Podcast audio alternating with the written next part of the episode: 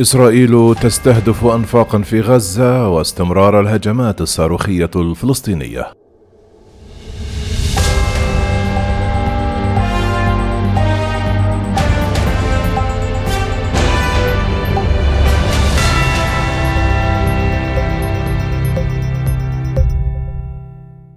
تستهدف إسرائيل أنفاقا في غزة فيما تستمر الهجمات الصاروخية الفلسطينية.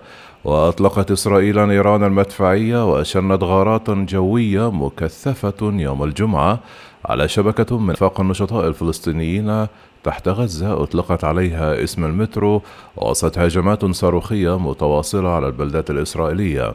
وقال متحدث عسكري إسرائيلي أنه بينما شاركت القوات البرية في الهجوم الذي استمر أربعون دقيقة قبل الفجر لم يعبر أي منها إلى قطاع غزة حيث دخلت الأعمال القتالية يومها الخامس دون أي مؤشر على التراجع. وقال مسؤول الصحة في شمال غزة أن امرأة وأطفالها الثلاثة قتلوا خلال العملية العسكرية وتم انتشال جثثهم من تحت أنقاض منزلهم وسرعان ما سقطت قذائف صاروخية على جنوب إسرائيل في أعقاب الضربات الإسرائيلية التي قال المتحدث أنها تضمنت نيران مدفعية ودبابات من داخل الأراضي الإسرائيلية.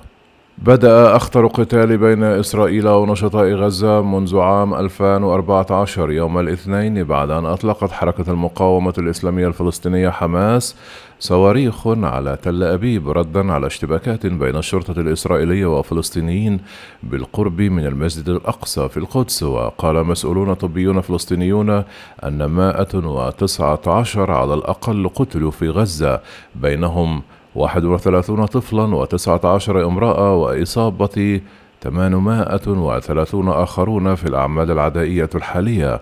وقالت السلطات الإسرائيلية أن عدد القتلى في إسرائيل بلغ ثمانية بين جندي يقوم بدورية على حدود غزة وستة مدنيين إسرائيليين بمن فيهم امرأة مسنة سقطت في طريقها إلى ملجأ يوم الجمعة وطفلين وعامل هندي وفي الأجزاء الشمالية والشرقية من غزة. ترددت أصداء نيران المدفعية والانفجارات في ساعة مبكرة من صباح الجمعة. وقال شهود عيان أن العديد من العائلات التي تعيش بالقرب من الحدود غادرت منازلها والبعض يبحث عن مأوى في المدارس التي تديرها الأمم المتحدة.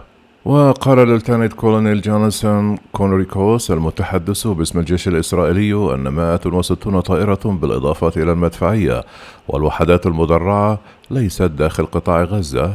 في مشاركته بأكبر عملية قتالية ضد هدف محدد منذ القتال كما صرح جونسون أن ما كنا نستهدفه هو نظام متطور من الأنفاق يمتد تحت غزة معظمه في الشمال ولكن ليس على سبيل الحصر وهو شبكة يستخدمها عناصر حماس من أجل التحرك من أجل الاختباء والتستر حيث قال في إفادة للصحفيين الأجانب وقال نشير إليها بالمترو مضيفا أن التقييم النهائي لنتائج العملية ما زال معلقا.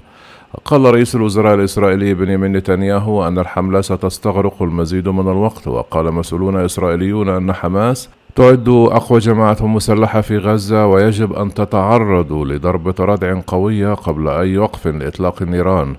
ودعا الرئيس الأمريكي جو بايدن إلى وقف التصعيد العنف قائلا إنه يريد أن يرى انخفاضا كبيرا في الهجمات الصاروخية. أما عن التوترات في إسرائيل فأثارت الأعمال العدائية التوتر بين اليهود الإسرائيليين والأقلية العربية التي تبلغ 21% في البلاد والتي تعيش إلى جانبهم في بعض المجتمعات. فاستمر العنف خلال الليل في مجتمعات مختلطة بين العرب واليهود خلال الأيام القليلة الماضية حيث تعرضت المعابد اليهودية للهجوم واندلع القتال في شوارع بعض البلدات مما دفع الرئيس الإسرائيلي إلى التحذير من حرب أهلية. صرح الجيش الإسرائيلي بأنه يحشد قواته على حدود غزة مما أثار تكهنات بشأن غزو بري محتمل في خطوة من شأنها أن تذكر عمليات التوغل المماثلة خلال حربي إسرائيل وغزة في عام 2014 و 2009 لكن الغزو بدأ غير مرجح بالنظر إلى إحجام إسرائيل عن المخاطرة بزيادة حادة في الخسائر العسكرية في مناطق حماس. قال دبلوماسيون أن مجلس الأمن التابع للأمم المتحدة سيناقش علنا تفاقم العنف بين إسرائيل والنشطاء الفلسطينيين يوم الأحد بعد أن اعترضت الولايات المتحدة على اجتماع يوم الجمعة. جهود الهدنة التي تبذلها مصر وقطر والأمم المتحدة لم تقدم بعد أي إشارة على إحراز أي تقدم. وقدر الجيش الإسرائيلي عدد النشطاء الذين قتلوا في الهجمات الإسرائيلية ما بين 80 و 90 مقاتلا. وقال إنه حتى الآن تم إطلاق حوالي 1800 صاروخ على إسرائيل وعلى الجبهة السياسية الإسرائيلية بدأت أن فرص نتنياهو في البقاء في السلطة بعد انتخابات غير حاسمة في 23 من مارس تتحسن بشكل ملحوظ بعد أن تعرض منافسه الرئيسي يائير لابيد لانتكاسة كبيرة في جهود تشكيل الحكومة.